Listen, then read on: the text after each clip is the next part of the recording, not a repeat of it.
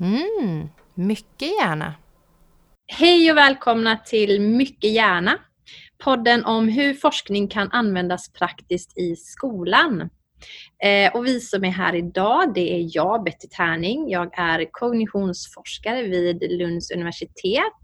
Och på min högra sida sitter idag Björn Sjödén. Jag är eh, lektor i utbildningsvetenskap vid Högskolan i Halmstad och har också en bakgrund i kognitionsvetenskap vid Lunds universitet. Och med på Zoom har vi idag också Kalle Palm och jag är gymnasielärare och eh, har också en bakgrund i kognitionsvetenskap. Mm, trevligt! Eh, dagens ämne är ju eh, problembaserat lärande och det har vi tänkt att spendera de här kommande 20 minuterna med ungefär. Och eh, jag tänkte börja ungefär som vi brukar göra och, och ställa en fråga.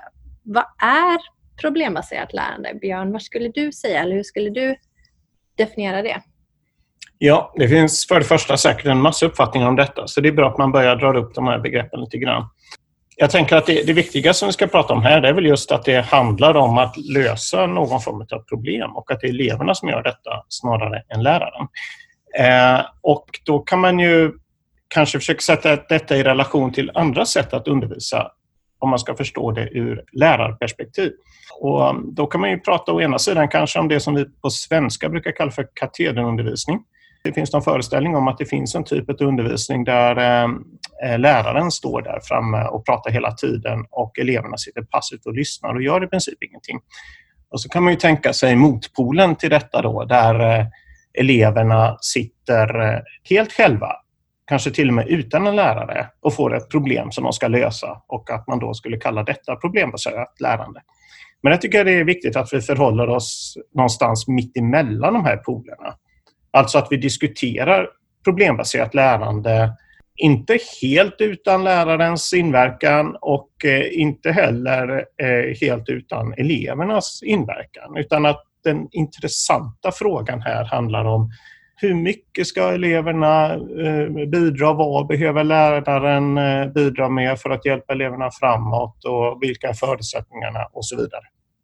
Eh, ja, Kalle, du som jobbar i skolans värld, jag gissar att du har erfarenhet av problembaserat lärande eh, på något sätt. Skulle du kunna ge några exempel på vilka typer av problembaserat lärande som du har sett eller som du kanske använt dig av i skolan? Ja, något som jag använt är ju eh, när man har laborationer för då, då låter man eleverna lösa någon typ av problem som kan vara mer eller mindre öppet. Lite beroende på laborationen och vad man har för syften och så.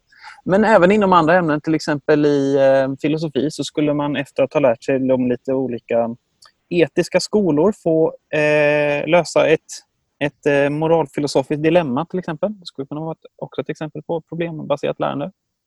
Mm. Eh, intressant att du sa det vad man har för, eh, för syften här. Som jag tänker, eller som jag ser det, så kan man väl använda problembaserat lärande antingen som en metod för att lösa ett specifikt problem eller en specifik uppgift.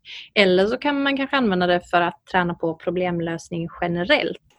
Ja, absolut. Och det här med generell problemlösning är ju något som man är mycket ute efter. Och jag som eh, mattelärare, där försöker man ofta sälja liksom matematiken till eleverna lite som att det här är ämnet då ni lär er att lösa problem generellt och de kommer ni kunna använda för att lösa alla typer av problem i framtiden. Mm. Där kan man då ställa frågan hur eh, generell kan man vara för att det ska vara användbart? Mm. Det tycker jag är en intressant fråga. För det, det finns exempel på när man använt, eh, det var redan på 70-talet man försökte bygga någon sån här eh, artificiell intelligens eller en general problem solver som det kallades. Eh, som då kunde ja, definiera steg i hur man kunde lösa problem, att man kanske då definierade ett mål och sen vilka Eh, steg som man behövde gå igenom för att ledas mot det här målet. Och det, det, tanken var liksom att man kunde då applicera en generell modell för att lösa alla typer av problem. Eh, men det finns ju problem med den typen av strategier därför att ju allmännare någonting blir, desto svårare blir det att tillämpa på det här specifika. Och där kan man ju undra hur det då har fungerat i, i dina sammanhang, Kalle? Ja, det är ju snarare så då att eh, när eleverna har fått lära sig en specifik strategi så kan de använda den specifika strategin. Eh, och, och, Det är kanske det är vad heter det, kanske en lagom ribba att lägga upp för sina elever. Ett exempel på det skulle kunna vara att eh, den principen som finns att man ska undersöka en variabel i taget i en laboration. Det, det, det, är ju en bra allmän problemlösning. Alltså den är inte helt allmän, men det är en ganska allmän problemlösningsstrategi. Men Kalle, vad skulle du säga då kanske krävs av dina elever eller vilka förförutsättningar behöver de ha eller förkunskaper om vi ska använda ett kanske mer vanligt ord behövs för att problembaserat lärande ska fungera? Ja, ganska mycket tyvärr. Alltså i början, nu tror jag att jag kommer att bli kritiserad av många andra eh, lärare, men i början av min eh, när jag var lärare så använde jag väldigt öppna laborationer för jag tänkte att eleverna skulle lära sig mer av det. Vad menar du med öppna laborationer? Förlåt, om kunde ge ett jo, exempel? Nej, men absolut. Att, eh, att de, att de fick material och eh, så skulle de försöka hitta något samband. Och så gav man inte så mycket mer instruktioner än så. Och Det är också ett sätt som man kan spara mycket tid på som lärare för man behöver inte förbereda så mycket av laborationen. Men oftast så famlade eleverna i blindo där utan att komma fram till någonting. Och istället fick jag liksom gå runt individuellt och hjälpa, eller gruppvis och hjälpa eleverna. Så nu försöker jag istället att ge väldigt mycket instruktioner. Och det finns de som inte gillar den skolan för de tycker att man inte lär sig någonting om läraren serverar allting. Men eh, samtidigt så kommer de ju faktiskt fram till någonting.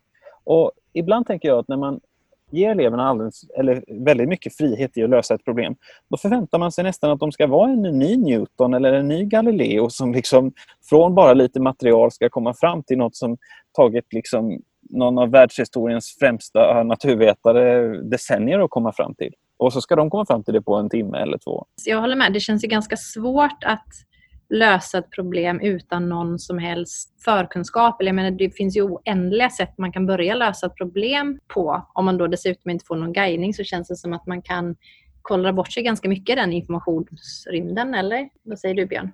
Mm, men där kommer vi väl in just på de här frågorna om när eh, PBL, då, eller problembaserat lärande, fungerar och när det inte gör det. För precis som Kalle sa nu så är det ju det är liksom orimligt att vi skulle befinna oss i den där eh, yttersta polen som jag nämnde alldeles i början om att eleverna förväntas upptäcka allting själva. För jag menar, vi har ändå haft en kunskapsutveckling i skolan ett par hundra år och vetenskapen är ännu fler hundra år eller kanske till och med tusentals år. Va? Så att det skulle ta oerhört lång tid att gå i skolan om man skulle upptäcka allting själv. Så det är klart att någon förberedelse behöver göras av läraren. Men då kan man också tänka på Ja, vad syftar då det här till? Är det liksom att man ska lösa ett problem som det verkligen låter i, eh, i själva namnet, problembaserat lärande, snarare än att upptäcka ett problem? Det är en distinktion man ska göra.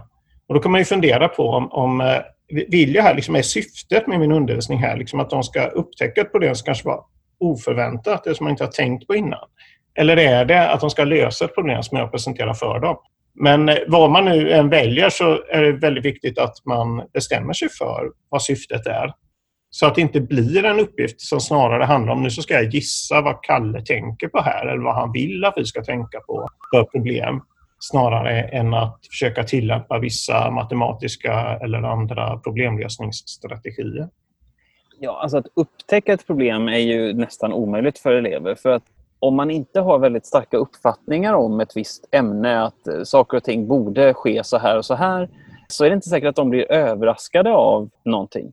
Jag tänker att det är ganska vanligt att man riggar eh, eh, just laborationer på det sättet. Till exempel i fysik. Man har en förföreställning om att ehm, saker, ja en fjäder kommer att nå marken är långsammare än en sten när man släpper dem från samma höjd och sådär. Sen har man en liten laboration där man tar bort luftmotståndet och så kommer man fram till att nej, men titta, det går precis lika fort för dem att ramla från punkt A till punkt B.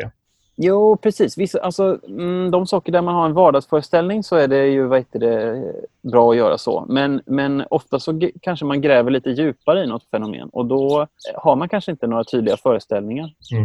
Men är inte konklusionen här då en delkonklusion i alla fall att man behöver vissa grundläggande kunskaper. Någon slags kunskap behöver man om ett problemområde för att det ska vara meningsfullt att ägna sig åt PBL. Ja, verkligen. Eh, ja, om jag får koppla lite till en egen upplevelse som, som jag hade i skolan och där jag känner att jag blev väldigt frustrerad och eh, jag känner också att jag blev lämnad väldigt mycket själv i mitt eget lärande och det var upp till mig att, att ta reda på saker var, speciellt i matematik vet jag att jag eh, väldigt ofta ställde frågan till, till den lärare jag hade att varför ska man använda en viss formel eller så vidare och, och, varför är det viktigt att lösa ett visst problem? Och jag känner att jag aldrig fick något riktigt bra svar utan jag fick mer bara höra att jo men därför. Mm. Det, det där kopplar ju till ett väldigt eh, vanligt problem i skolan skulle jag säga som är, visar att undervisning i skolan väldigt ofta är fokuserat på förklaringar innan man egentligen har upplevt det meningsfulla problemet. Så jag vet inte om vi tar något exempel från eh, matte. Kanske en typisk eh, matteuppgift kan vara att man ska lägga ihop ett antal nummer och sen ska du dividera det här med ett annat nummer och så gör man det på rutin eller så men förstår inte varför. Det är väldigt stor skillnad mellan att liksom presenteras för ett sådant problem och försöka räkna ut svaret jämfört med att få ett meningsfullt problem som kan handla om att beräkna ett medelvärde till exempel. Där man ska göra exakt detta, nämligen lägga ihop ett antal siffror och sen dividera med antalet siffror som man hade.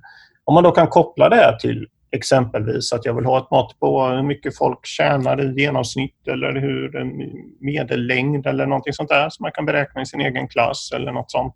Då har man liksom först ett problem som man sen försöker lösa och man kan förstå varför man gör de här beräkningarna. Så eh, kontentan här är alltså att, att undervisningen väldigt typiskt fokuserar på förklaringar utan problem och kanske att ett problem just med PBL är att man exponeras för problem utan att ha förklaringar.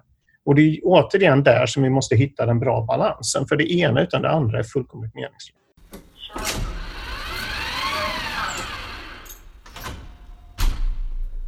En eh, sak som jag har förstått är, är ganska vanligt är det här med flippade klassrum. Och om jag har förstått det rätt så är det när till exempel en elev får se en inspelad lektion innan man kommer till den faktiska lektionen och då jobbar med ämnet. Och hur skulle man kunna koppla det här med flippade klassrum till det vi precis pratat om?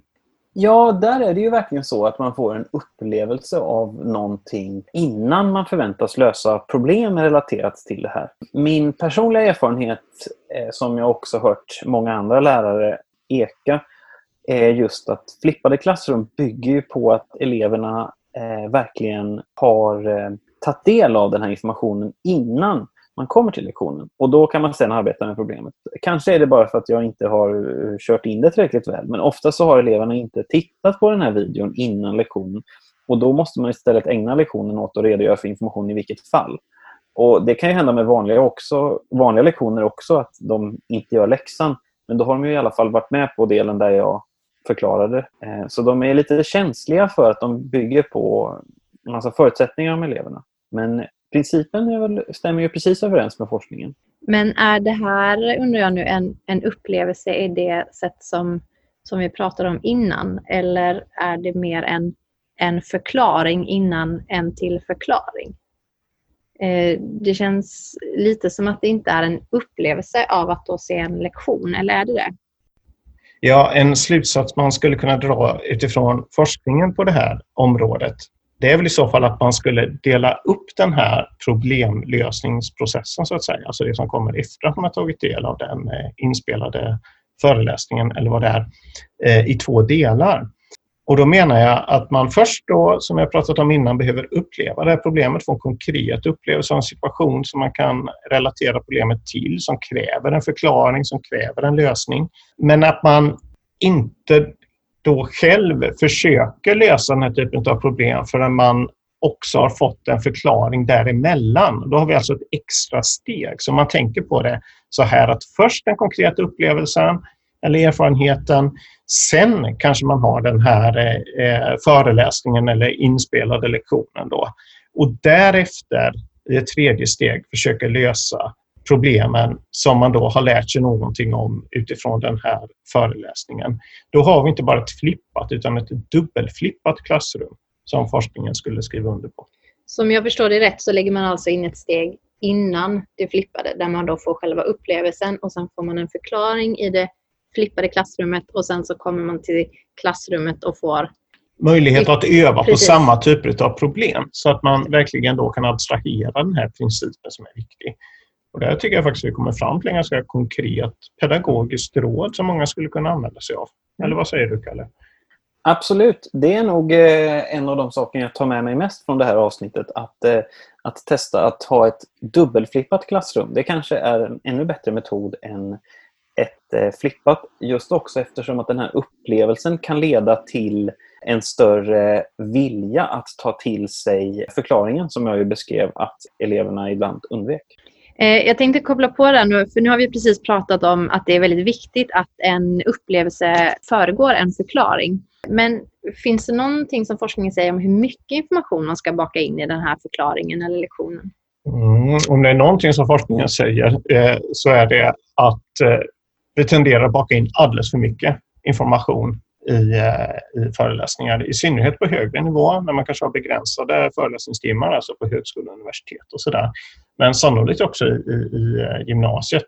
I någon amerikansk studie så hade man mätt då hur en, var det ingenjörsstudenter tror jag, hur mycket information som de egentligen exponerades för under en vanlig föreläsning. Och då räknade man ut att de blev eh, liksom introducerade för en ny ekvation eh, varje två och en halv minut och en ny variabel var 40-50 sekund.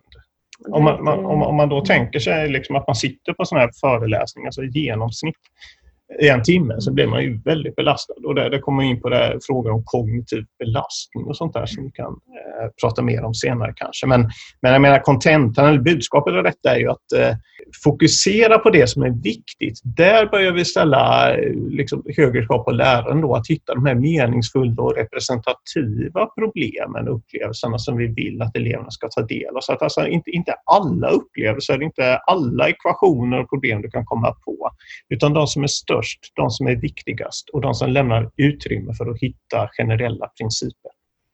Så för att sammanfatta dagens eh, prat så har vi idag pratat om problembaserat lärande eller PBL som det ju ofta förkortas också.